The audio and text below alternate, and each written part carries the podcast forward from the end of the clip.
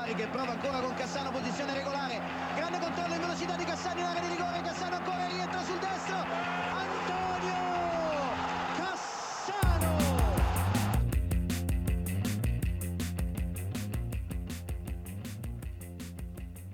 Já, komið sæl, unnöður ítalska boltans næra fjær, punktur og basta hafið sína göngu að þessu sinni, þetta fallega sundarskvöld eftir leik Napoli og Cremonesi.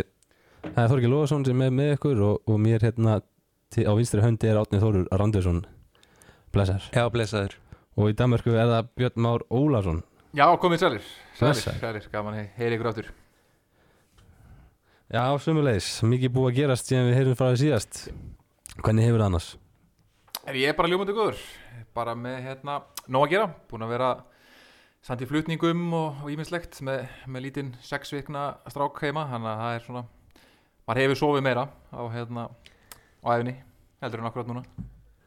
Já, er það rétt að ég er að heyra frá þarna kaupunöfn og þú sér dottin úr liðinu hjá Guðrúnu í handbóltanum Já, það passar, ég er bara svona eh, skráði mig veikan svona næstu vikundar held ég, hérna, það greinlega vantar ekki hotnamann sem getur ekki slútað þannig að ég bara uh, leifi öðrum að eiga sviðið og, mæti bara aftur uh, feskar í, í, í úslitakefna sem við, við sýnist að vera á leiðin í úslitakefna ég, ég skil ekki alveg fyrirkomulega á deildinni það gera það eiginlega enginn en hérna, við skilst þessi úslitakefni í lokin og þá ætla ég að mæti inn og, og fara inn úr hotninu og, og, vera einn af þreymur eins og, og vennilega Já, það er gott að heyra það sko. Stressið eitthvað að koma aftan að þér þegar sviðið verður stærra eða?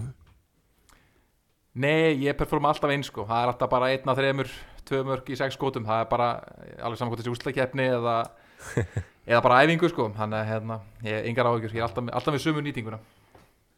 Það er gott, það er gott. Herðu, hérna, Við verðum náttúrulega að byrja á máli málunastrákar San Remo söngukeppninni á Ítalíu. Söngukeppni þeirra Ítalana Það sem allt, allt snýst um og Já, söngvakeppni með stóru S eins og við tölum um hérna sko. Þetta er náttúrulega einhverjir 50 klukkutímar af efni hérna sí, síðustu viku sko frá mánudegi til laugadags og loka útsendingin eða það var reyndar eitthvað núna í dag sunnudeginum. Það var eitthvað ríkap í Já, það var dag. eitthvað ríkap í dag. En það, það var 6 tíma útsending úrslitakvöldið það sem að já, hjartaknúsarinn Marco Mengoni verður framlag ítalina eftir að hafa sigrað Sanremo Já, Já, það er dúi víte sko. Við erum að breyka þessu áður en að Felix Bergsson kemst í græðunar upp á rúf sko. já. Menn fólk náttúrulega sko hlustendahópur punktur að basta Lítur að vera svona sami hlustendahópur og, og horfir á hérna Horfir á alla leið, leið. þættina. Já, ég er fastur áhrund á það. Hérna Já, ég var spenntur að sjá Marco Mengoni, hann átti bangerinn hérna Mastasera fyrir tveimur árið síðan sem var svona sumarsmellurinn það árið ef ég maður rétt. Og var reyndar meiri diskoslagari. Maður, okkur, við vorum nú sammála um það í strákarnir að að vant ekki svona diskoslagaran í, í flóruna þetta árið en uh, Ítalinn alltaf hafa verið að ríða afskaplega feitum hesti í, í Eurovision undanfæran ár og hafa einhvern veginn alltaf verið bara við toppin núna eftir, að, eftir hérna þessi dimmu ár þar sem þið tók ekki þátt þarna í mörg ár þegar, þegar við vorum alast upp þá var alltaf Ítalið einhverju í einhverju fússi, voru ekki með einhver, einhver ár og svona, þannig að hérna, gaman að sjá að vera komin aftur og komin aftur with a bang Já, við verðum ekki að heyra aðeins enna frá okkar manni Marko eða? Jó, við verðum að sting niður hérna í tóndæmi hérna sko. Já, í miður lagi, skulum heyra hérna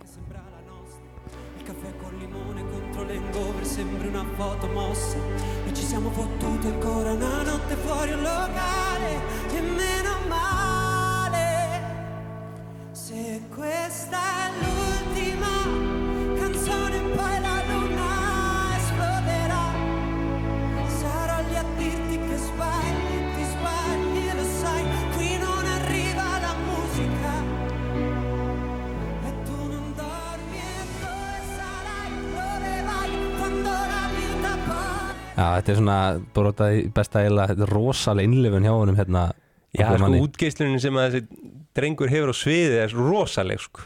Ég, ég sé fyrir mig bara Helgu Möller og, og Sigga Gunnars þarna í, í alla leiðstúdíunum bara með tólskiltið að lotti sko. já, bara, ég held að þetta verði svona 10, nei, 12, 12, 10, 8 Það verður einhver sem að fílar þetta ekki sko. Já, við, það verður alltaf hann Æ, einn eftir að vera öðruvísi já. Já, en ég segi, þetta er 5. sæti á Eurovision Er þetta, Slegið er, já, þetta er fymta sæti Já, Er þetta svona ástu fyrstu sín eða þurftur þurftur nokkuð skipti ég þurfti að sjá þetta live sko. ég hlusta á þetta á Spotify og það var þetta svona, jú, jú, allt í lægi en bara flutningurinn er rosalegur sko. Já, ég ætla að vona að sko, hérna, Ítalinn kom ekki eftir okkur við sem eitthvað að spila lögin reyna í, í hlaðvarp með okkur að vísi, sko, þeir eru mjög svo leiðir það er gott að þeir kom ekki og cancel okkur hérna. Nei, við erum að hlera í það Já, sko, með eitthvað, eitthvað Nei, það var eitthvað var eitthvað hérna, fótbolta innslag á San Remo í ár. Hún var, ekki tveimur árum eða fyrra sem að, að Slatan var hérna þáttastjónandi eða bara öll kvöldin. Hann, hann er svo sem er ekkit, hefur ekkert verið að spila fótbolta undanfarið en að maður held kannski að hann væri að fara að mæta aftur hérna á San Remo sviðið en, en ég hef ekkert séð neinar upptökur af honum hann Nei, ég sá það allavega ekki sko, ég er búin að fylgjast vel með þessu sko. Já, takt okkur aðeins betur og bak við bara þessa keppni svona líka ef þú fer aðeins aftar en þetta ár, sko. Þetta er náttúrulega bara gummul hefð Já, þetta er náttúrulega sko, San Remo er bara stærra en Eurovision á Ítalíu sko. Og þetta er bara söngu að keppni þeirra og hefur verið síðan 1950 eða eitthvað sko. Og það eru náttúrulega risa slagara sem hafa farið þannig gegn sko. Gente di Mare og mikið af ís, íslenskum jólulöfum sem hafa gert það gott í þessari keppni Já. og Måneskin alltaf tók þetta fyrir hvað, tveimur árum og síðan uh, Blanko og, og hann þarna Mammut sem að tók þetta með Brífiti í fyrra Já. sem ég fylgdist vel með Soldi, soldi kongurinn þá Já, Mammut, Soldi maður Já, Svo voru það náttúrulega tenurótni þrýr sem átt að vinna þannig 2015 Ég er ennþá, munum alveg eftir Er, þeim er skandal ekki búið að svifta eina bárða svona dómara þarna, starfinu eftir það eða? Hann gaf þeim núl stig Ég held sko. að Ég held að er ekki, er ekki einmitt verið núna að minga vægi í domnefnda, ég held að ætla átt að gera það bara strax eftir þá keppni sko, ætla algjör þvæla en hérna justice, justice for Il Volo. Við erum búin að setja yfir þessu hérna, síðustu, síðustu vikur allavega og búin að velja okkar lög. Þannig hvað hérna, þegar þú myndir velja svona fá þess að fullan atkvæðar rétt að að lægir Já, sko ég fer náttúrulega kafa svolítið djúft sko fer kannski ekki alveg efsta sæti í veðböngunum og vel það bara sem besta lægið sko eða svona skemmtilegsta lægið þetta, þetta er þarna Rosa Chemical heitir þessi performer og er mótel á Ítalíu lægið Made in Italy sko. Un fratello, ma siamo a Sanremo! Benvenuti signore e signori, ben trovati all'interno della testa di Rosa Chemical, dove tutto è amore, libertà, gomme, uguaglianza, smalto, piedi, mascara, rosa e soprattutto non è etichettabile. Le mani a tempo, se volete più amore! Dimmi come si fa a restare fedeli Sex boy ma non parlo americano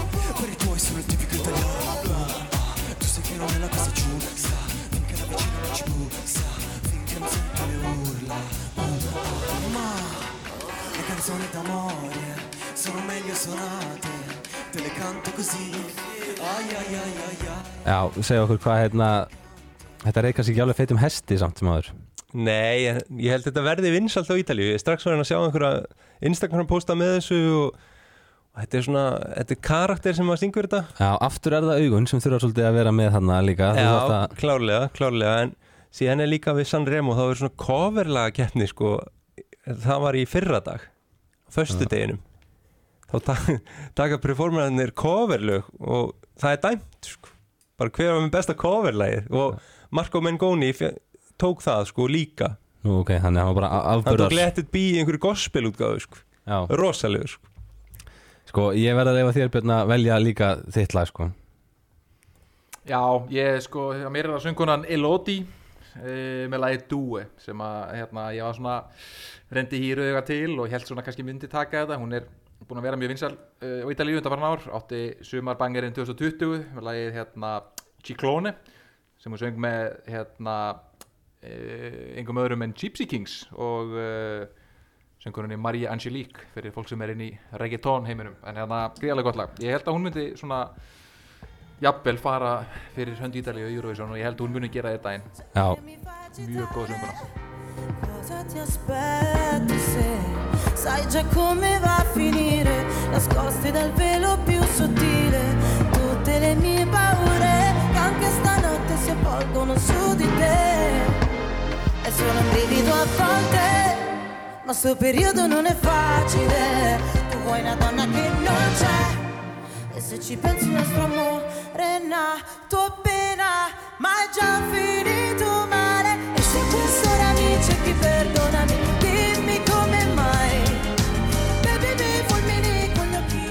Þetta er alveg ríkalega gott sko. Já, þetta verður mikið spilað í búðum og ítælju held ég í sumar sko. já, svaðalega. Sumarsmellur Já, ég er mjög hrifin að þessu sko. þetta er náttúrulega, þetta er rosalega samkemni sem við erum að tala um minna sko. Ég ég sko, hlustandi svona út frá Spotify og ljóðheiminum sjálfum sko svona, förum aðeins í fagfræða lagsins og svona og góðan stomper og þannig þá verð ég að velja Latsa sko, minn mann og hann er hérna með sitt lag Senere, skulum aðeins líka hérna dreipa niður í því sko.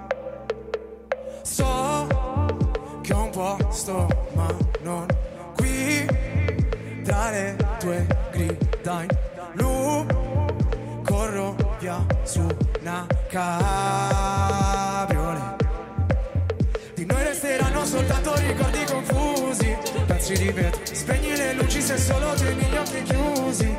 Mi rendi cieco Ti penso con me per rialzarmi. Sto silenzio potrebbe ammazzarmi. Aiutami a sparire come cenere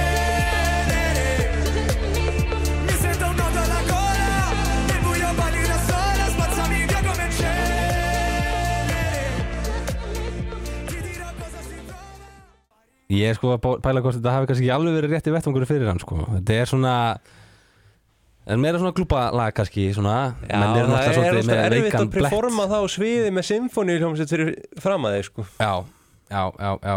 Og líka verðt Það er ekki öll lög, er lög sem að höndla strengina sko. Nei, er klárlega ekki sko. sko. Sérstaklega líka svo þarft eitthvað neginn Þú ert náttúrulega með göttulúkið sko sem er kannski ekki alveg hitt allstar Nei, það, það er samt vinsælt í dag sko. Já, reyndar.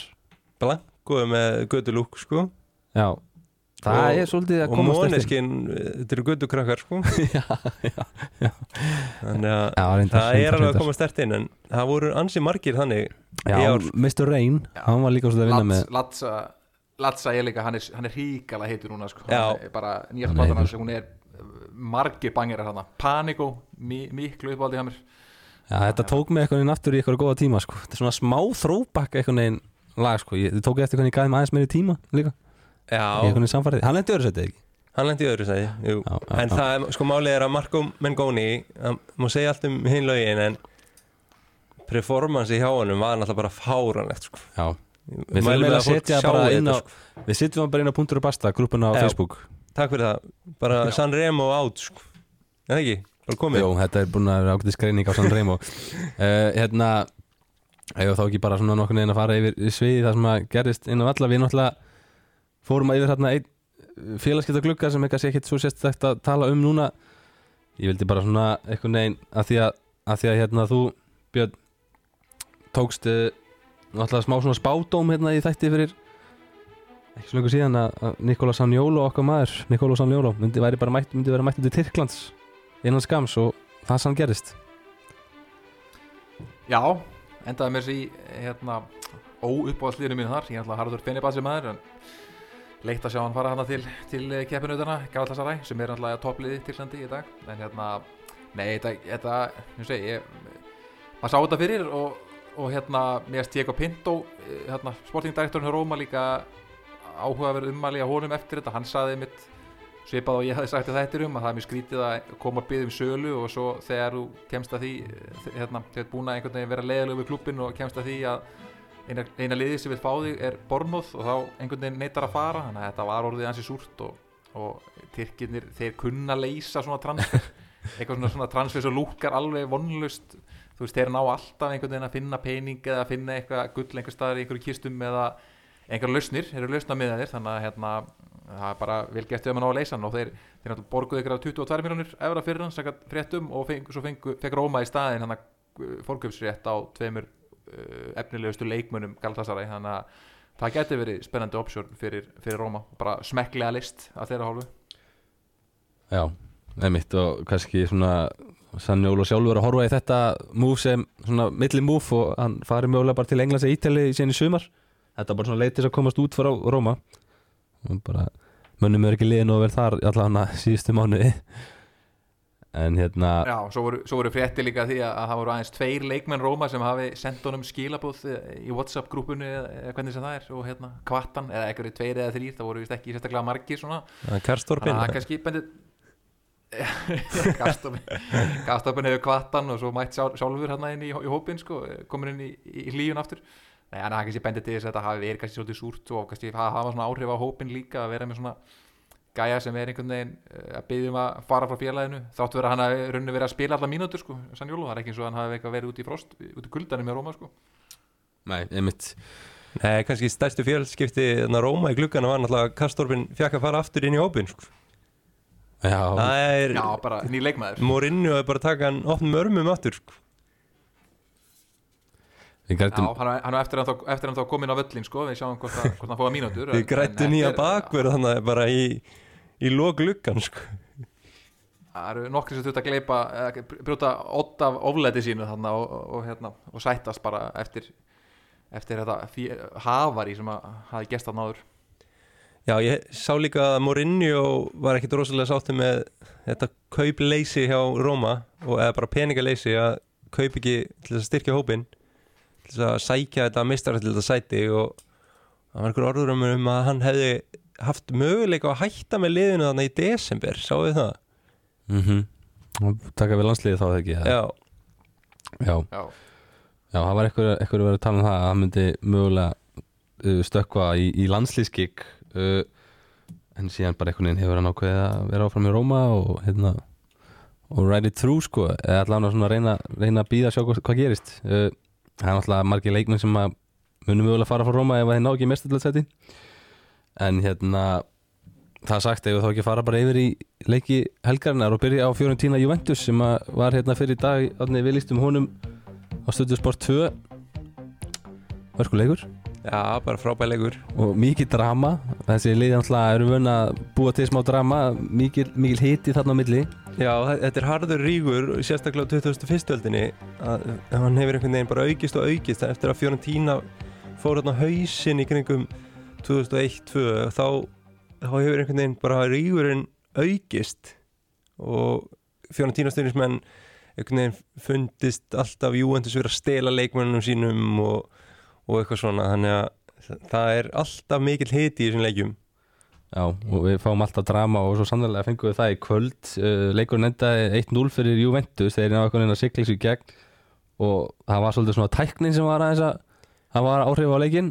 Af því að eins og hérna, við sáum bara að Rabi Jó skorur hérna fyrsta marki og boltinn, það, þeir þurfa að nýta hérna, marklingtæknina, var ekki alveg viss hvort að boltinn væri inni þá og svo skorar Lahovits aftur uh, 2-0, það er mark sem er tekið af og mark sem var bara mjög tæft Ja, þessi mátti ekki að vera tekið af sko. það fyrir eftir hvar hendin byrjar Já, menn voru eitthvað skakkir í teikningunum og ég var Já, hérna alveg sko, af því að- svaðalega sko.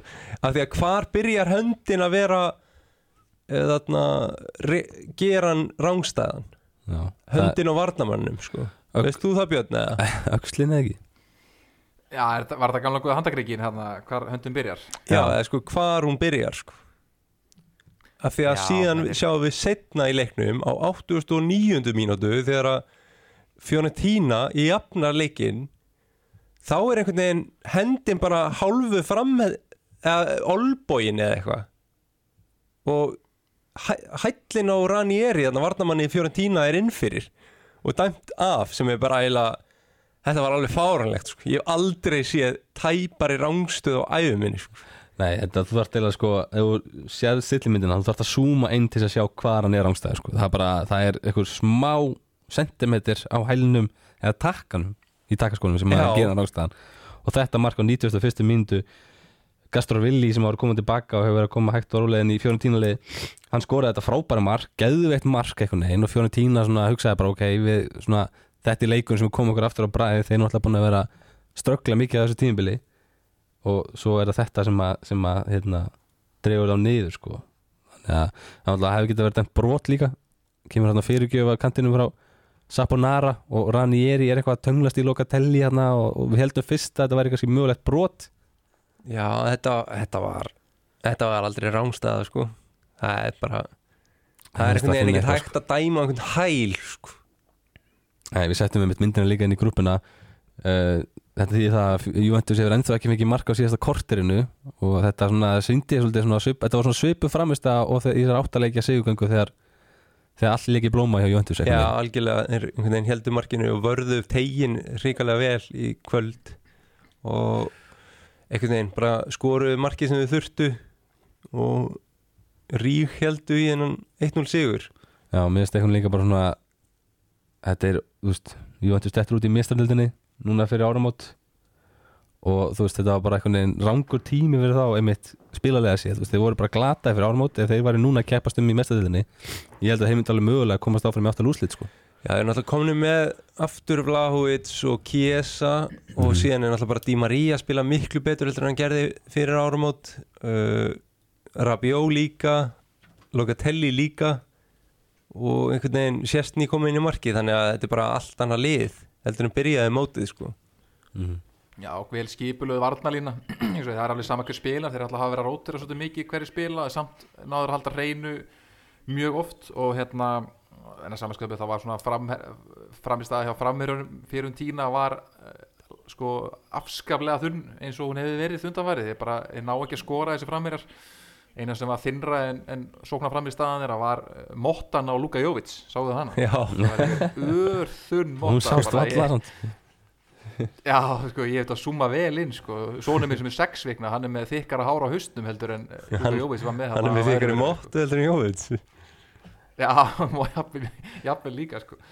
En hérna, það var, það var eina netta við Jóvits, það var þessi móta það var ekki, ekki mikið annað en hérna, en eh, já annars bara, þessum við gaman að sjá Castrovilli vera mættur aftur, hann er þetta þessi ríkala skemmtilegi miðumæður fjörnum tína sem að steit, var ekki slitað ekki crossband mætti aftur Jú. eftir það og hérna, hann bara virðist vera að nálgast fyrra form sem er skemmtilegt því að hann er frábær leikmaður og mjög skemmtilegur Mhm.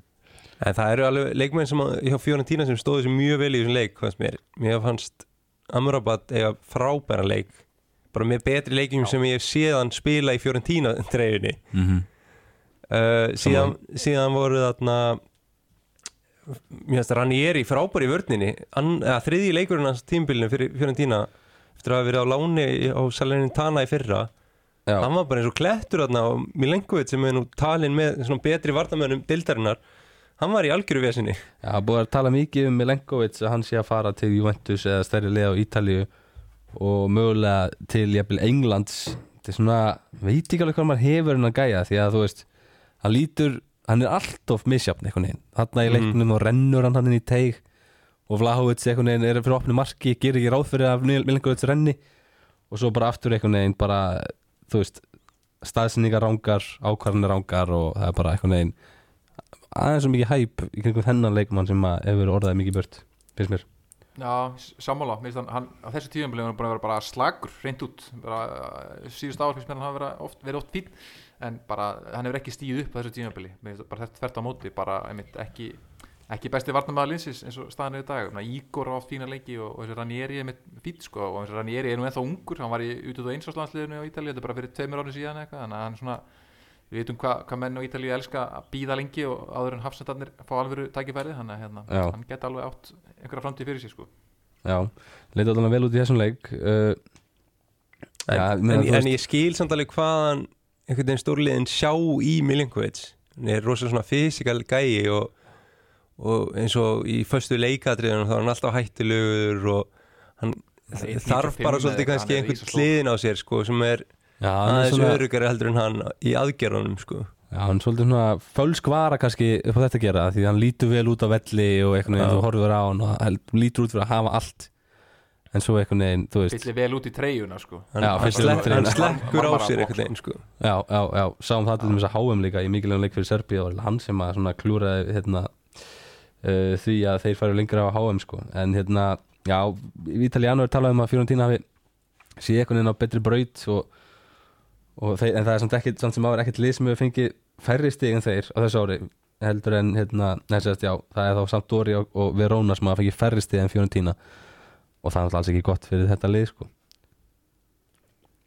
Nei, við, við bara, ég hlakka bara til að sjá það í Evrópu, það er eina sem þeir eiga svona eftir, meina, þeir ná líklegast ekki Evrópusæti aftur, eða bara alls ekki. Og hérna, eina sem þeir eiga er bara gott Evrópurönn og það, ég meina þeir hafa alveg potensial í það en, en það er ekkert maður sem betið til þess kannski að þeir sé að fara að spila eitthvað úrstæðlega leik í, í konferenslík Nei, einmitt, þeir mæti að braga þar Juventus mætir Nant og eins og ég segi, ég er einhvern veginn svona hrifin að Juventus var að leik, leysa veist, sín mál inn á vellinum í kvöldi einhvern veginn. Bara, bara markið sem er dæmt af Lahovits voru einhvern veginn sterkir í öllu veist, góðir á boltanum byrjaði einhvern veginn að ná betri leikskilning og frums, þeir frumsýndur náttúrulega þessa fremstu þrjá í dag og þannig að Já, Kostic var er mjög góðu fannst mér. Hann einhvern veginn smelti vel í þetta lið núna fannst mér. Já, uh, Hann óks einhvern veginn í leiknum Hann fekk náttúrulega tvö dauðafæra hann í byrjunleiks Eða svona fyrirpartsleiks En var einhvern veginn virkilega segur hann undir lokin Þegar að, að þurfti einhver júundist leikmaður að stíga aðeins upp og halda boltanum sko. Akkurat. Og þeir komin núna í nýjunda sæti þetta er næst besta lið deildrana, myndi ég segja. Þetta er það sko. Það er bara 100% næst besta lið. Þeir væru náttúrulega bara í öðru sæti ef að þeir hefðu ekki verið já, fundnir sekir um þetta þarna og, og mínus þangað 15 stig. Nei, nákvæmlega, ég bara tárast í það en, en þeir, þeir hafa líka miklu að spila af því að sko það getur verið að þessi 15 stig verða þeir fá þau aftur sko. Þannig að auðvitað verða þeir að hugsa bara "Heyrðu, við verðum bara að vinna okkar leiki og reyna að halda okkur allavega í meistarðildasæti Mhm. bara og fara eins nála því að við getum ef við fáum ekki þessi stig tilbaka að reyna við það án þess að fá þau tilbaka en ef við fáum þau tilbaka þá er eins gott að við skilum okkar áður en tímbil klárast þannig að við endum í efstu fjórum sætunum sko. Já, heldur betur og í eftir sætunni mitt uh, sem lið sem að spila einn í kvöld og mætti Cremonese botliðinu er Napoli og sem að lið sem að einhvern veginn ætlar enga veina að stoppa sína sigurgöngu á þessu tímabili og, og þeir vinna hérna 3-0 ammálsbarni Kvitsa Kvartskelia skora að sjálfsögðu og sem menn. Hann skoraði að sjálfsögðu líka og þriði markarskoran hjá Napoli í kvöld var magadunumæðurinn Elmas. Ég er bara svona að því að núna að sem kemur um þetta af bekknum sem sýnir breytina og var einhverju nokkur svona uh, svona meðsla sker í dag.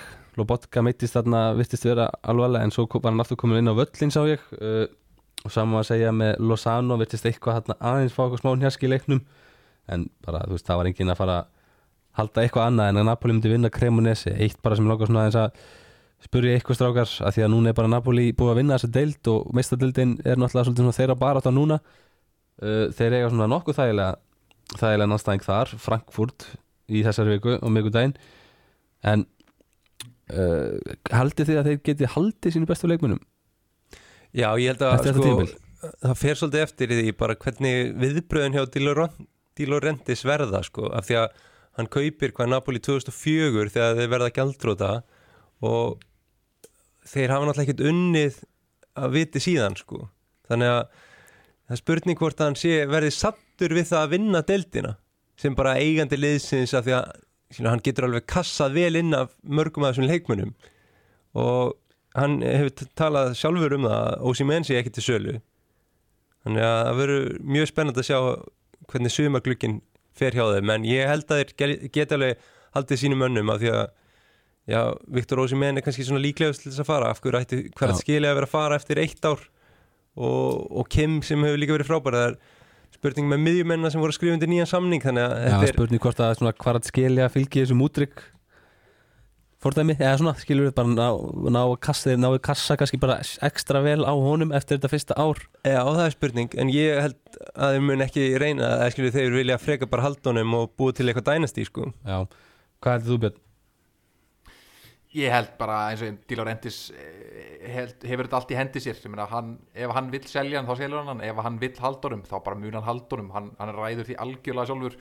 Þú veist, þú mætir ekkert þú mætir ekkert í, í Napoli flóan eh, á einhverja hérna, samlinga viðraði við Di Laurentiis og fer ekki að snúa upp á honum hend, hann um hendina sko, og, og hérna hann einhvern veginn hefur sínt áður, hann getur staðið af sér svona árásir frá stóru liðunum sem er reyna að kaupa leikmenn nema kannski Gonzalo Higuaín sem fór þarna til, til Júi en hérna Já, ég held að hann sé, einmitt- sé mikið að horfa í eina titil verða ódöðulegur með því að koma með titilin aftur til Napoli fyrsta skipti í, í 30 ár frá því að Maradona var þarna það mun gera hann ódöðulegan og um, svo bara spurning hvað hann vil gera. Ég, ég held einmitt á þessi minn gæti farið en aðrir leikmenn ég er ekkit vissum að hann sé að fara að losa þá eitthvað sko, hérna kannski lítið bara á að, það, að hann vilji taka næsta skref og fara þá lengra í meistaradildinni og reyna að komast í, í einhver úrstaleiki í, í Evrópu. Það gæti verið eitthvað svona næsta næsta skref fyrir hann. Já, spurningum að frekar að fá peningin þaðan sko, Já. úr meistardeild og En sjáu þetta þá sem nýtt dænast í Napoli liða, þú veist, ég menna, er þetta lið sem er að fara kannski að vinna fleiri en eitt titil núna? Já, ég get alveg séð að gerast ef þeir halda sínum bestu leikmennum en ég held líka að margir kannski hræðist að taka leikmenn frá eins og Napoli sem hafa náttúrulega verið að spila svona alveg fár, eiginlega bara yfir getu þannig séð.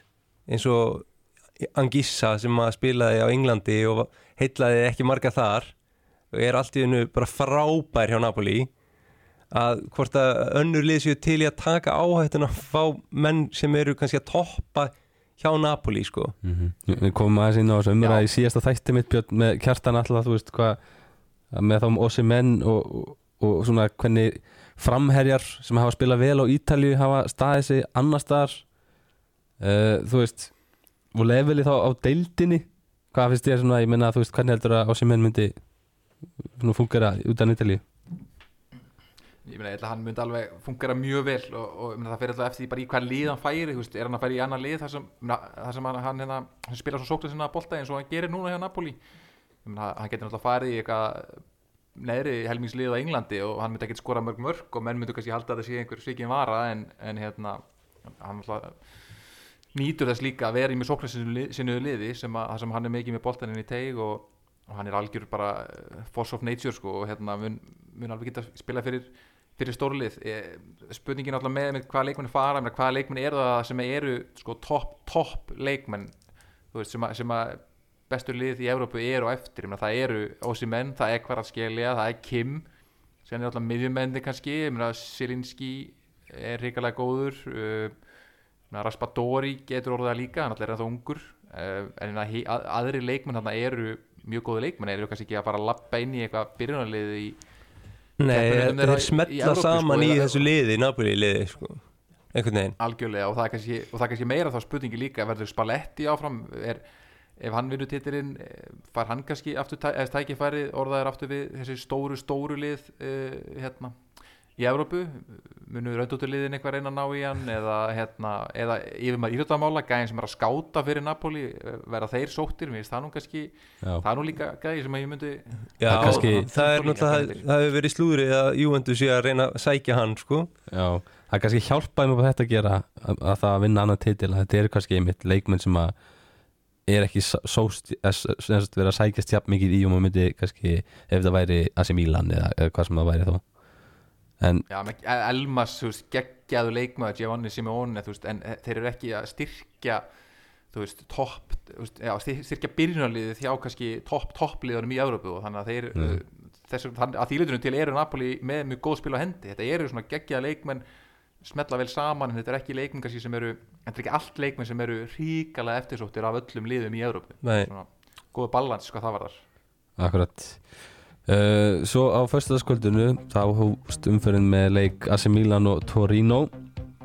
Og AC Milan voru heldur betur að verja uh, svona gamalt met þar þar sem að þeir hefðu getað tapað sínum fymta leik í röð í fyrsta sinn síðan í 90 ár. Það er sæmilega metið sem að þeir höfðu þar en þeir mættu nokkuð löskuðu Torino lið og enduðu með að vinna svona nokkuð ósamfærandi sigur 1-0 Uh, við höfum náttúrulega mikið talað um svona bara gengi AC Milan eftir áramót og svona mér fannst þetta ekki, þessi sigur þessi fyrsti sigur árinu, ekkert sína neitt annað heldur en að það sé bara áframhald á þessu svona, þessum vandræðum AC Milan þótt að, að Torino sé vissulega gott lið það voru bara bestu menn þeirra fjárverandi og, og holningin AC Milan var ekkit, ekkit sérstaklega góð Björn. Já, ég sammála, þetta var bara baráttu sigur, skora hann eftir eitthvað fast leikadrið, Giroud skora hann að fallit skallamark en hérna, öðrulutinu til var þetta bara mjög jafn leikur og einhvern veginn já, bara mikil barátta, mikil harka ekkit voðalega mikið fyrir augað þú veist, Tórinu áttu ekkit sem besta dag heldur þannig að þetta, þeir eru ekkit komin upp úr hólunni að sem menn, bara alls ekki og hérna en eh, gott það að fá sigur og ná að halda reynu og gott fyrir mann eins og Tatar Utsano í markinu sem að. Hefur nú ekki átt sjö dagana sæla uh, skiljanlega undanfarið búin að vera afskaplega slagur að, að fá loksins clean sheet og hérna kannski smá sjálfströst í kroppinn og getur byggt á þessu. Já, einmitt. AC Milan bara ekkert með sérstaklega margar hefnaða sendingar heldur þessum leik. 315 hefnaða sendingar það er nú bara svona á pari við sko Cremonese á venjulegum degi. Uh, og Leo náttúrulega, við hefum talað um hann hann er ekki beint sá sami einhvern veginn. Og hefur verið að klúðra bara mikið að dauðafæri myndafæri og gerði það líka í þessum leik. Þannig að talandi um að kaupa eitthvað leikmann og svona okkur hvernig hans framþrónum verður og, og hvort hann ná eitthvað að ná sér úr þessar hólu að hann, þetta er eitthvað aðeins að ángræða meira en við heldum þessar samningavirðar við, við lið. Já, og Theo Hernandez líka nefndi eftir leika hann, einhver vitalega að þetta, þetta sé mjög sálrænt vandamál hjá þeim. Þetta er eitthvað, það er eitthvað komið fyrir hennar hóp hvort það sé Mourinho sem að mætti hann á San Siro og, Fór að brjóta sálir. og braut þá Já. Já, braut liðið með 20 játtöfli eða, eða hvað það er, en það, allan, að það, er ekki sjón að sjá þetta AC Milan lið og, en bara fórandi þeirra vegna en að byggja á þetta og, og hérna Já, Já, þetta er bara mjög núna, mál fyrir þá að hvernig staðan er á þeim af því að þeir geta verið að missa bara meistaröldsæti út af þessum út af þessari spilamennsku og, og þá náttúrulega held ég að Pioli sé nú ekki örugur í sætið sínu sko. Ef þeir gera það. Já, og fer þá væntalega pottitt líka. Já, Já, Ibrahimovic var mættur á bekkin hann til þess að reyna að rífa menna þessi gang. Menni voru mikið í handabendingum uh, á hvern annan og, og miskilja, miskilningur innan vallar hjá leikmennum Asi Milan. Uh, það spurning hvort að hann fá ykkur að mínúti núna á næstunni, mér stela samt eða meira aðtiklisvert sko með Andi Repic frammerja Asi Milan sem er á bekknum allar hennan leik að hann sé ekki bara notar á hægri kantinum af því að það er rosalega mikið það hafa verið mikil vandræði á hægri kantinum hjá þessum, vet- eða þessu, þessu tímabili og við sáum náttúrulega fyrir tveim árum síðan þá var Reipit náttúrulega fastamæður hjá AC Milan-liðinu sem að hérna lendi í öðru sæti og spilaði náttúrulega líka bara ágæti- ágætilega í, í fyrra sko. Þannig að aftur svona uppstills vandræði Pioli er svolítið að er svolítið að koma honum í smá klandur og hann verðist ekki alveg vita núna hann aðeins búin að tapa svona síninni á, á því hvað liðan á að spila finnst mér Já, hann að fara inn í þryggja manna línu, varnalínu og með wingbacks og er að spila með Salemakers í vangbakverðinum þar sem hann kannski er enda nýtið síðan ágætlega núna verandi svona hlaupagíkur en hérna, svo eru svona sögursagnir með Slatan líka, hann ætla var skilin eftir utan Evrópuhópsins uh, núna á, á næstu vikum.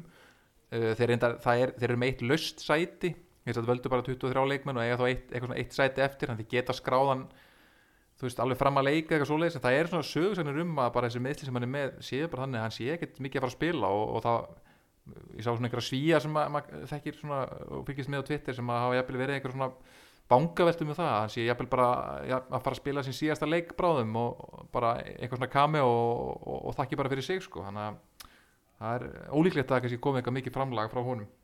Já, Já, ég held að væri mjög mikið vandamál hjá AC Milan ef þeir ætla að fara að treysta okkar framlega hjá Zlatan Ibrahimovic eftir þessi ja, löngu meðsli og tala nú ekki um ef, eins og Björn segir að ef að þau séu bara aftur að að því að hann geti spilað eftir fótbolta sko.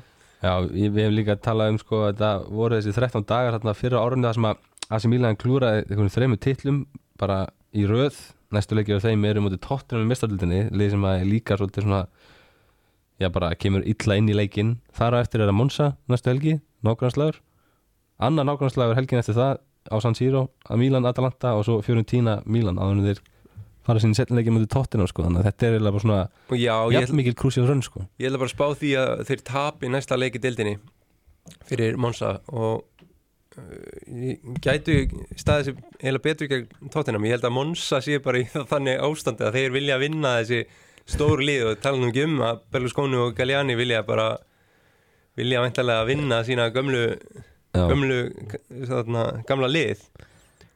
Sannarlega. Uh, Já, einmitt og sáum svo sem að Chelsea hentaði heldur ekki vel í meistadildinni núna fyrir í vetur þannig að það verður áhugaður slagur þar. Mér finnst einhvern veginn bara sama tíma með Torino veist, enn og aftur sannaða hvernig, hversu góður stjóri Ívan Júrits er. Hann með lið í sjöunda sæti núna. Og hvað var hann með Verona í einhverju níunda sæti fyrir tveimur tímubilum síðan þú veist bara þetta, þetta Torino leið er búin að koma útrúlega óvart veginn.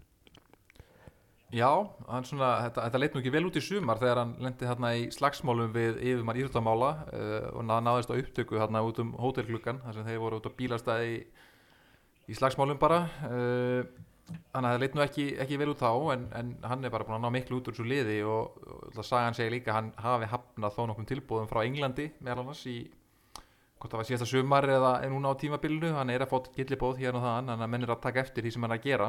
Þannig að hérna já, bara spennandi þjálfari og, og hann er þá kannski að vonast eftir að fá hann eitthvað stærra gig á Ítalíu eða, eða fá kannski meiri innspyttingu frá í, í Tórino, bara að geta kannski tekið næsta skref með þá, mér finnst hann svona hann, hann er að ná í svikla ára út úr þessu lið og hann getur og, og Tórino er auðvitað ekkert að fara að ná að en, gaman að sjá, hann. Þetta er góðu þjálfari og, og við vitum það líka, hann er, þetta er gammal læri sveit uh, Giampiero Gasperini hjá Atalanta, þannig að hann svona það segir svolítið um hvernig fótbolta hann spilar. Það er mikil, mikil hápressa og mikil hraði og, og svona skemmtilegu fótbolti.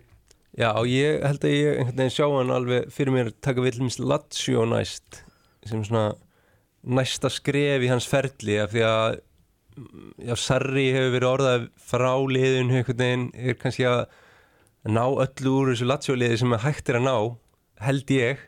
Held að sé ekkert mikið Já. svona sem er hægt er að gera mikið betur þar með þann hóp sem hann er með núna og, og hann hlýtur að vilja bara fá stærra lið. Já, bara það stór stjóri og það er og, ekki? Jú, emitt og, og þá held ég að Júritsin ætti bara að reyna að fara til Lazio. Já, mæta með góða þungarokkslómsveit þarna til Rómarborgars Já, ég held að það muni bara fara ég held að bara hópurinn hendur hann líka ágætlega Já, heldur betur Ég er sammála því Þeir, hérna, þeir geta, hann getur gert góða hluti með þá og líka bara eins og þessum leik þú veist, hann er með eitthvað bakverðan að miðunni og, og letta sem maður hefur aldrei spilað eða litáa fyrir ekki, sem maður aldrei spilað í Sýri áður og fer á eitthvað á San Siro og tapar ekki stærn en þetta með Sa Samuel Ritzi mittan og Sasa Lukic ný farin sko. Já, og Mílan liði upp við vegg sko. Já, akkurat Akkurat uh, Talandi um Lazio, þeir spiluðu á móti Atalanta töpuðu á lögataskvöldinu 2-0 Gasperini með aðra svona já, taktikal snild. Uh, hann var einmitt að rósa Rasmus Haulund sem við mikið tala um í þessum þætti. Uh, svona undafarið Dananum Knáa hann í framlínunni hann var eitthvað að reyna hann við við Erling Braut Haaland bara eitthvað neginn fyrir þá hvað hann er fjölhæða frammeiri Já, mjög svona hraður og sterkur sko. mm -hmm. þannig að ég held að Já, hann það var sprett þarna í þessu leik sem er svona Hollands, eins og Holland sprettur hann þegar hann eh, eitthvað, fær boltan í eigin vítateg og er síðan mættur í vítateg anstæðingarna Já. á svona 5 sekundur setna sko, hann á svona getur rosalega sprett þar sem hann er bara eh, hérna, næri ekki alveg að slúta annars hefði hann bara skorað mark ásins þarna, þetta var Já, á því geðveikar leik sko. Ég, það kemur alveg á óvart ef hann erði áfram í Atalanta held ég á næsta tímpili Já, hann er bara tvítur og ég held að ég held að England horfið til hann sko. Hvað myndu, myndu þið líka nú við strókar? Er, er eitthvað sem að mér finnst erfitt eitthvað inn að staðsetja hana því að sýnidæmi er heldur ekkert sérstaklega mikið sko. En mér fannst eitthvað, ég er með eitt sjátt sem mér dætt í hug sko. Það er Fernando Torres, ég veit ekki á hverju. Hann er eitthvað svona hraður góður með varnin í bakinu og svona fjöl hefur Jú, Atletico ég- Madrid Fernando Torres típa sko. Ég veit að hann er alltaf hæp á hann, það er ekki beint hann er ekki fara að þann feril sko nei, nei, nei, nei, en skilur ég skil hvað, hvað vartu að fara með þetta sko. hann er svona góður að skíla boltanum og já, veit ekki hvort það sé bólografna andlitið sem er að er tröfla með það sko. Já, Eh, það, það er spurning sko, ég held að hann er kannski ekki alveg svona clinical finisher eða þannig? Nei. Uh, meira svona Hann ætla- hann er komið með no, nokkuð mörg yfir röð núna eftir áramót en þú veist fyrir áramót var hann kannski ekki að skora eins mikið en, en, einmitt, en, en hann er sjóðhittur núna Nei, mitt, eins og uh, Torres hefði nú mögulega nýtt þetta færi þarna sem hann fekk eftir hennar sprett sko. já. uh, en bara virkilega spennandi og bara tvítur aldrei sko. Akkurat, akkurat uh, Erst þú með eitthvað svona sjátt, Björn? Eitthvað með þínum augum með, á, á Hálundin, Rasmus Hálund? Nei, bara kemur mikið óvart. Náttúrulega hann fór frá FCK það ekki, unglinga liðinu bara beint til Atalanta og það, menn einhvern veginn, hann hafði ekkert spila held ég. Þannig að viti fyrir FCK að menn einhvern veginn voru kannski ekki vissi ekki við hverju þetta búast og svo fer hann að koma inn á þetta róla í Atalanta og allt í hennu bara sá ég hann skora mút, hann eða upp mark uh, á móti mínum mönnum í Róma og svo eftir það hefur hann bara vaksið svakalega og bara einmitt að horfa á hann skrokkin á honum.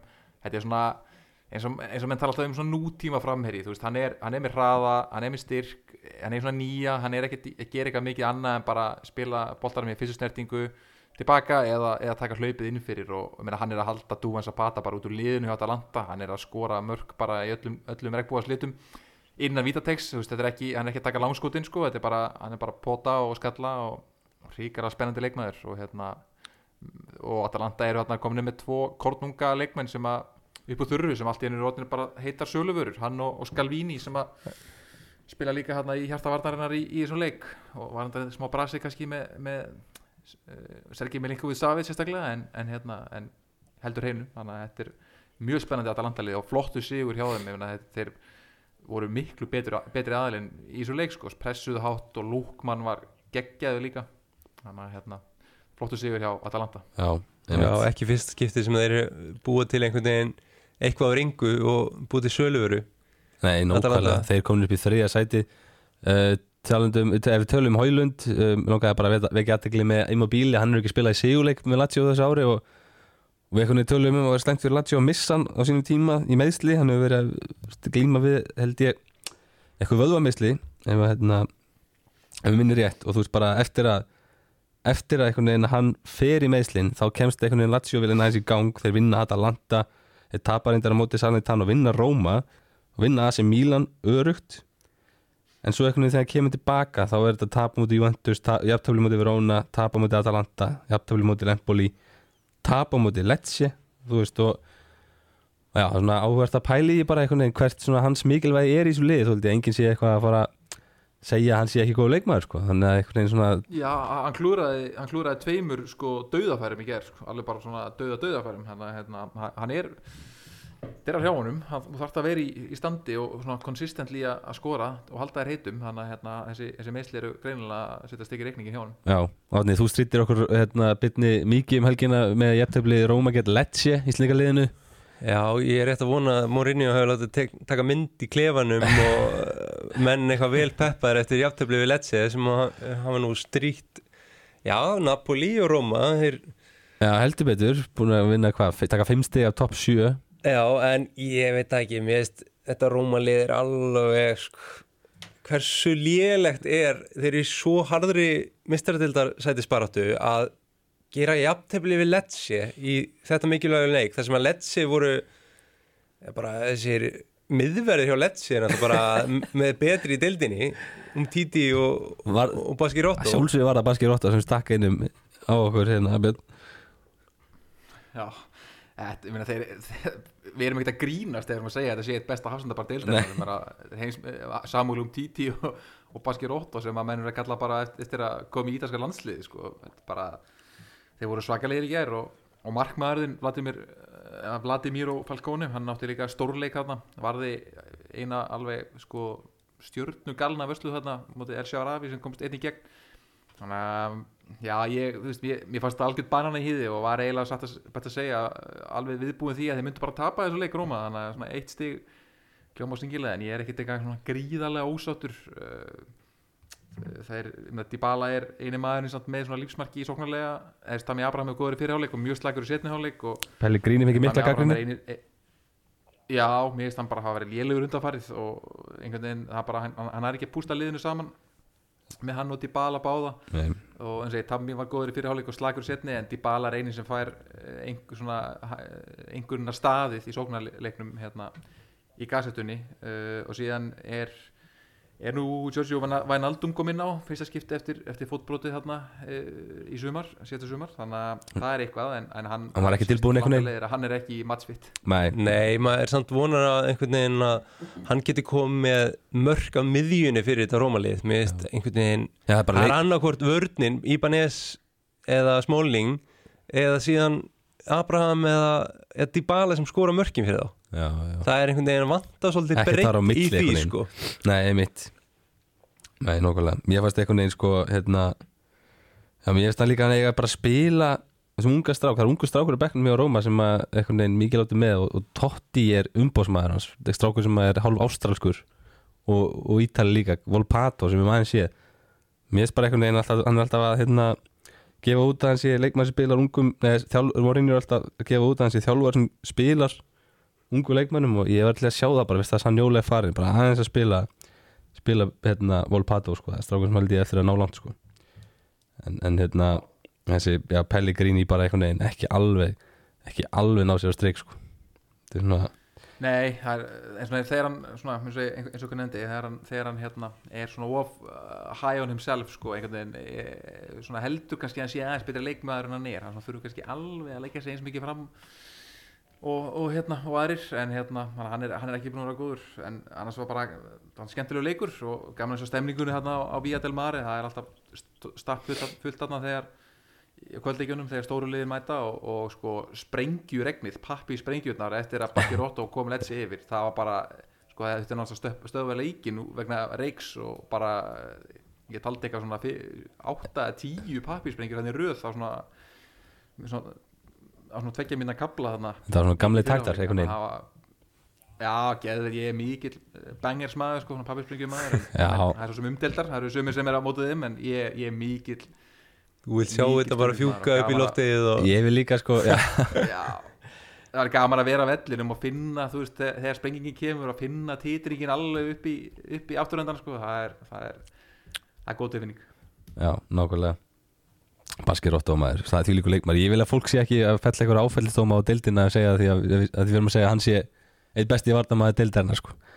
Nei, hann er frábær. Hann er frábær, vöðvabúti hann í vörninni sko. Þetta er presens, Þetta er- alvöru presens. Við bendum snemma á þetta. Svo er annar leikmaður að Strefetsa, ég held að hann muni með, með þess að líka einhvern veginn svona eitthvað, eitthvað lið muni sækjast í hann í sumar. En að bara því þetta Letsilið hefur gert svo gott móta þessu tímubili uh, Spezia strákar, þeir hérna, leika mútið Empoli í 2-2 voru með, með 2-0 fórustu og, og kladra því niður. Þeir hafa verið á mikillir svona á svona downspíral undanfarið og eru svolítið að svo í fallbáratu og það var áhvert að sjá hvort að vera óna sem á leika morgun hvort að þeir geti einhvern veginn svona opna þessa fallbáratu ennþá meira. Þeir að spila mútið Salnitana leginni fyrir ofan Spezia. Já, einhvern veginn ríkalegt að vera komin í 2-0 yfir einum fleiri þá færa þarna Esposito eða eitthvað uh, hérna hjá Spezia raukt spjald. Ungi, ungi miðmaðurinn Já, og það held ég að hafa verið ansið dýrkeft fyrir liðið þar sem Empoli endur á að jafna leikina á 1904 Já, og bara eiginlega já, tvö glötuð stig að missa úr höndunum sko í svona harðri fallbaróttu Já, þetta er bara eiginlega ekki bóðulegt sko að ég sá þegar hérna, Daniel Verde kom þeim í 2-0 og þá voru þeir mannir fleiri e, Spezia og hann skorar annar marki sem er glæsilegt mark bara hammer upp í vinkil, vinkilinn bara gamlega skólinn eh, langt fyrir utan teig en hérna og hann fagnar með því að rífa svo úr ofan og fær guldspjöld sem er alltaf ótrúlega heimskulegt því að þú veist þeir voru þá mannir fleiri og maður veit þá náttúrulega hversu gulu spjöld þú veist, þú ert á Ítalíu, þetta er mjög taktist stilt þá eru bara leiðu út með guldspjald þá reynir anstæðingurinn eh, sem að þarf að jafna leiki, hann mun gera allt til að ná þeir út af. Og, og hann að, hann á ókipis ódýrt guldspjald og svo eh, þessi Esposito hann líka að eh, fær hann á heimskulega guldspjald og, og að, að svona ungu leikmaður það að þjálfarinn hafi ekki bara tekið hann út af jafnvel bara í háluleik, þú veist, þegar hann er komin á guldspjald því að þetta er svo mikilvægt, þú mátt ekki missa leikmann út af í, þegar þú ert í stöðunni manni fleiri 2-0 yfir. Uh, sterkara liði bara- sko, sérstaklega.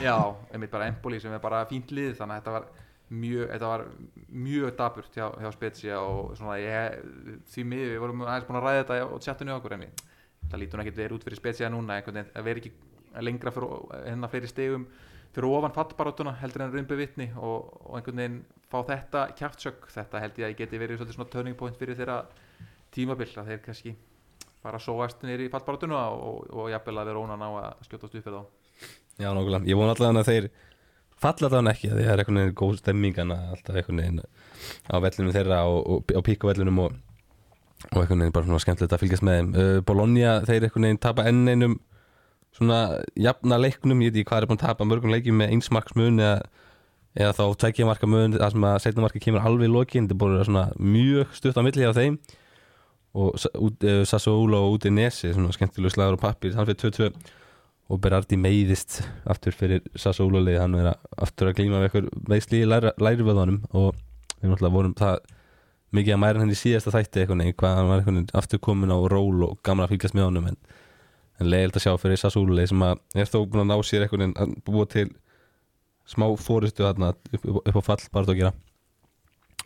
Uh, svo eru líka tvei leikir á morgun, það er Inter Sampdoria og Verona Salnitana eins og við talaðum á hann uh, næstu umferð það er nú kannski hérna, við nú séð betri umferðir næst, í, heldur en þá næstu en hvernig þó fólk að fylgjast með því það er reyndar svona spennandi leikur hérna fyrst deginum Sassuolo og Napoli. Er eitthvað sem að svona grípur ykkar aðteklistökar Já, náttúrulega Monza Milan leikurinn sem að ég er svolítið spennt fyrir bara út, frá, út af sögunni og, og Monza bara í döða færi að komast upp í hvað sjöundasætið eða vinna sem er náttúrulega fáránlega vel gert hjá Palladino eftir skelvilega byrjun hjá Monza. Uh, þannig að ég, ég er með augun á þeim leik. Hvað segir þú Björn? er ég með augun á Toskanaslagnum borginnar eh, tvær sem ég heimsóti síðasta sumarið mitt eh, Empoli og Fiorentina. Eða heldur sé Fiorentina Empoli. Þetta er nákvæmlega sé ykkur er 40 km að milli og hérna úti, úti stuðnismenn geta geta færast í leikin bara á, á 50 kubika verspunni sinni. Þannig að hérna það er, er hiti, alveg hiti þarna á milli og hérna bara tvö lið í bara í- á svipuðu róli held ég bara í dildinni náttúrulega Empoli búin að vera mjög flottir í, í vetur og einhvern veginn alveg haldið sér fyrir ofan fallbaratuna og, og, og Fiorentina náttúrulega samanskapi verið uh, lagari heldur en menn byggust við. Þannig að þetta er bara, þetta verður hörkuleikur og bara mjög opið, mjög erfitt að spá fyrir hvernig, hvernig sáleikur fyrir Já, tveir skemmtilegi grannarslægir Ég get fólk, get fólk til þess að hafa kveikt á sjónvarpinu á morgun þegar Inti mætið samt Dóri sem get, Lutar, Lutaro Martínez getur skorað held ég hvað, sex mörk í rauð fyrir Indilið það er ekkert enginn að leikmaður sem er skorað. Og Martínez múið skora sérst fimm síðustu mörk Indileðsins, það voru gamla að sjá hvort að þeir ná einhvern veginn að þeir ætti nú að hafa smá síningu gett samt Dóri á morgun þannig að endilega Ég, ég er það, þetta að vona fyrir intestunum sem að þeir vinni þann leik sko. Já, ég held að verða nú þannig. Uh, Serja B strákar, það er alltaf gerast þar núna í Serja B. Er já, frábært að sjá hvað Genoa er einhvern veginn núna aðeins að stinga af með annarsætið uh, frá þessari playoffs sem að getur verið ansi trikki í lók tímbils þá unnu þeir og Albert skoraði bara frábært mark fyrir þá bara einhvern veginn hnýtt með að skot heimavelli Já, ég held að hann sé að verða smá fan favorite þarna úti sko. Já, það er ekki ekki að mark og bara mitt mikilvæga sigur 2-0 sigur, heima sigur á Palermo sem er líka í smá topparötu hérna líka með þeim, þannig að þetta var gríðalega mikilvæga sigur og hérna, og maður sá að þessu var, þessu var vel fagnað þarna á, á eh, Marassi vellinum Já, og Mikael Egil effekt, það er bara það er byrjað á Venetia sá er búin að koma kraftin í lið hann er bara að byrja fyrstu tvo leikina eftir að hann fór til Venezia, Venezia hérna, frá, frá Spezia í janúar og uh, já, þeir hafa unnið heldur báða þá leiki og eru, þeir voru í átjóndasæti, fallsæti þegar hann mætti og þeir eru nú kominir upp í hvað, hvað var að tala um á hann, þrettandasæti þannig að þeir eru bara getu, eins og við rættum um þá er stutt á milli bóttbartunar og, og play-off-sætis þannig að þeir getur bara að fara að blanda sér í Það er bara sjö stíð í toppbaráttuna. playoff-sæti sko þannig að þetta er já, já, það er bara vel doable sko. svaðalega jöfn deild sko. þetta hlýtur að vera jafnasta deild bara Evrópu sko. Já, þeir unnu já, já, þú bara þeir unnu Spal, De Rossi og félag hérna 2-1 og hafa vakt aðtegli hérna liðsfélag hans í, í Venetia hann gerir sér glaðan dag hérna eftir að hafa sett tvær stóðsendíkar og var síðan skipt út af. Finninn Pojan Palo, hann fekk sér bjór hérna já, með stuðnismönnum bara með stuðnismönnum það var einhver sem rétt honum bjór já, úr mættur í stúkunni. stúkuna. Já, átti hann bjór skili sko. hvað var einandra áriðanir og þessi kaldan. Já, það var mjög verðskuldað. Já, mjög gaman að sjá, góða stemningu hjá Venezia loksins. Já, nákvæmlega, klúpur sem alltaf að vera veginn góð stemming í kringum sko. En hérna já, svo var, svo var Hjörtur í Písa líka, það líka í sigurliði komin aftur á sigurbraut. Eftir held ég tvo leiki án sigurs, þá hérna var hann mættur aftur í liðið, hann var, var á bekknum í síðasta leik, ég veit ekki hvort það hefði verið út af einhverju njaskið eitthvað, en hérna hann mætti aftur í liðið og ég held að sé bara hafa verið clean sheet og, og sigur, þannig að þeir eru uh, líka í barátunni hérna um play-off-sæti. Þannig að Já, það það var góð umferði fyrir Íslingana Já, það sem Íslandingar finnst skemmtilegast að spila sko. Það er ekki bara, það samt seria B Það er líka seria A kvennamein Það er einhvern veginn, er Íslandingar alltaf að gera gott mót líka. Já, sérstaklega Guðni hefur vist spilað frábælega fyrir þarna AC Milan liðið í bakverðinum. Og spila bara alla leiki og, og stendur sína plikt. Það er unnu Polignano Polignano Calcio. Þetta er erfitt orð. Pomigliano. Pomigliano. Og en einhvern veginn Róma liðið er bara með besta kvenna liðið í, í ár sko. Hvað segir Björn? Já, en ég held að Guðni hafa verið með stórsendingu mitt í, í þessu leik. Já og, og síðan var þarna Íslendingaslagur hjá Fiorentina og, og Juventus þar sem að já, Sara spilaði einhverja 65 mínútur og Alessandra 79 í 3-0 sigri Juventus á Fiorentina. Þannig að það voru, það voru tveir tveir slægir, fjóluslægir um helgina hjá Juventus. Já, já, nákvæmlega. Og 60 Og 60, það er ekkert nýtt Það er á bænum sko Eitthvað að lokum strákar? Nei, ekkert annað en bara eh, við fyrir eitthvað neður í sétildina það eru þetta Íslingar að spila það líka en við fyrir kannski bara rættið við það. Bjarki Steinn fara að spila með Foggia kom með geggjaðast ásendingu í síðustu umferð og, og spila aftur núna uh, hérna um þessari viku. Og svo er Óta Magnús auðvitað komið til Virtus Franka Villa í, í sételdinni og Emil Hallferðsson er auðvitað líka þar en er held ég eitthvað mittur, að- ekki búin að vera í hóp núna undanfarið þannig að það eru, það eru íslingar á öllum, öllum levelum á Ítalíu. Já, það verður líka gaman að fylgjast með þessum leikmenni sem er að koma frá Ítalíu í íslenska boltan og já, í bestu deildina, svo kallaða Hlinu Freyr Karlsson kemur náttúrulega inn í valsliði frá Bologna á Ítalíu og Ólífer Steinar Guðmundsson frá Atalanta. Síðan er náttúrulega Lukas Logi að koma frá fjölni en hann var í Akademíu Empoli og Já, ég, og, og hvað, Benoni Breki til K.R. frá Bologna? Þannig að það er nóg af Íslendingum. Jakob, Jakob Frans líka hefur mæta aftur í, í, í KR frá, hann var þetta í Venezia, búin að vera held ég að lána eitthvað núna í, í Sviss en er að mæta til, í KR líka, síðust mér. Já, einmitt, það, það verður gaman að fylgjast með þeim og það er spurning hvort að hvort að einhverju fleiri komi og, og, og fá að spila, sko. Ég veit nú svo sem ekki hvort þetta séu einhverju lánstílar eða hvort þeir séu fengnir eða bara keftir eða, eða runnir út á samning en ég er svolítið spenntið fyrir að sjá bara svona gæðin á þeim á miða við kannski Íslendinga Já, sem sá bara spila heila aðra í fyrra og, og svona. Bara ekki að ger kom einhvern veginn Já, vetri á Ítali lappaði yfir þessa deild bara og skoraði í Európu og, og hrigalega góður. Þannig að hérna, ég en þá ungi strákar samt no, nokkur af þeim sem er að koma heim eins og Benjóni Breki og, og Ólífi sérstaklega er náttúrulega held ég bara held ég sé ekki, jafnvel orðnir átján sko þannig að þeir eru, þeir eru mjög ungir en þá en hérna, en ég er bara mjög smættur að sjá það og full að trúa því að, að Ítalið hafi, hafi gert þeim gott sem leikmenn. Já, heldur betur. Herru, við fyrir að segja þetta gott í þessu sinni í búndi á Basta. Við hérna þakkum fyrir okkur átni takk fyrir samverðuna og Björn Sumur Leis og ef við ekki bara að senda ykkur út með Júruðsson framleginu eða? Sanremo Jú, bara heila ekki? Njótið það ekki bara? Ah, Gæsa húð, gæsa húð Gæsa Herru, við heyrumst í næstu viku. Verið sæl. Siamo i soli svegli in tutto l'universo e non conosco ancora bene il tuo deserto. Forse in un posto del mio cuore dove il sole è sempre spento, dove a volte ti perdo, ma se voglio ti prendo. Siamo fermi in un tempo così che solleva le strade, con il cielo ad un passo da qui, siamo i mostri e le fate. Dovrei telefonarti, dirti le cose che sento, ma ho finito le scuse e non ho più difese. Siamo un libro sul pavimento in una casa vuota che sembra la nostra. Il caffè col limone contro l'engover sembri una foto mossa. E ci siamo fottuti ancora una notte fuori un locale. E meno male questa luce.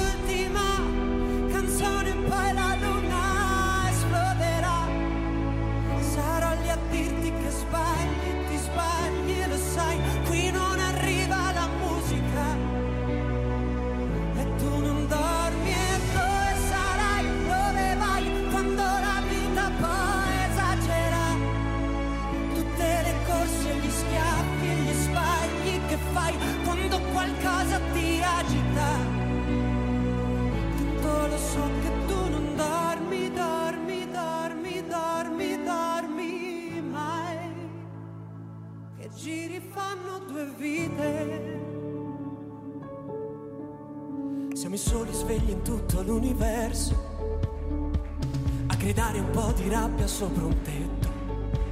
Che nessuno si sente così, che nessuno li guarda più i film. I fiori nella tua camera, la mia maglia metallica. Siamo un libro sul pavimento in una casa vuota che sembra la nostra. Persi tra le persone, quante parole senza mai una risposta. E ci siamo fottuti ancora una notte fuori un locale. E meno male. Se questa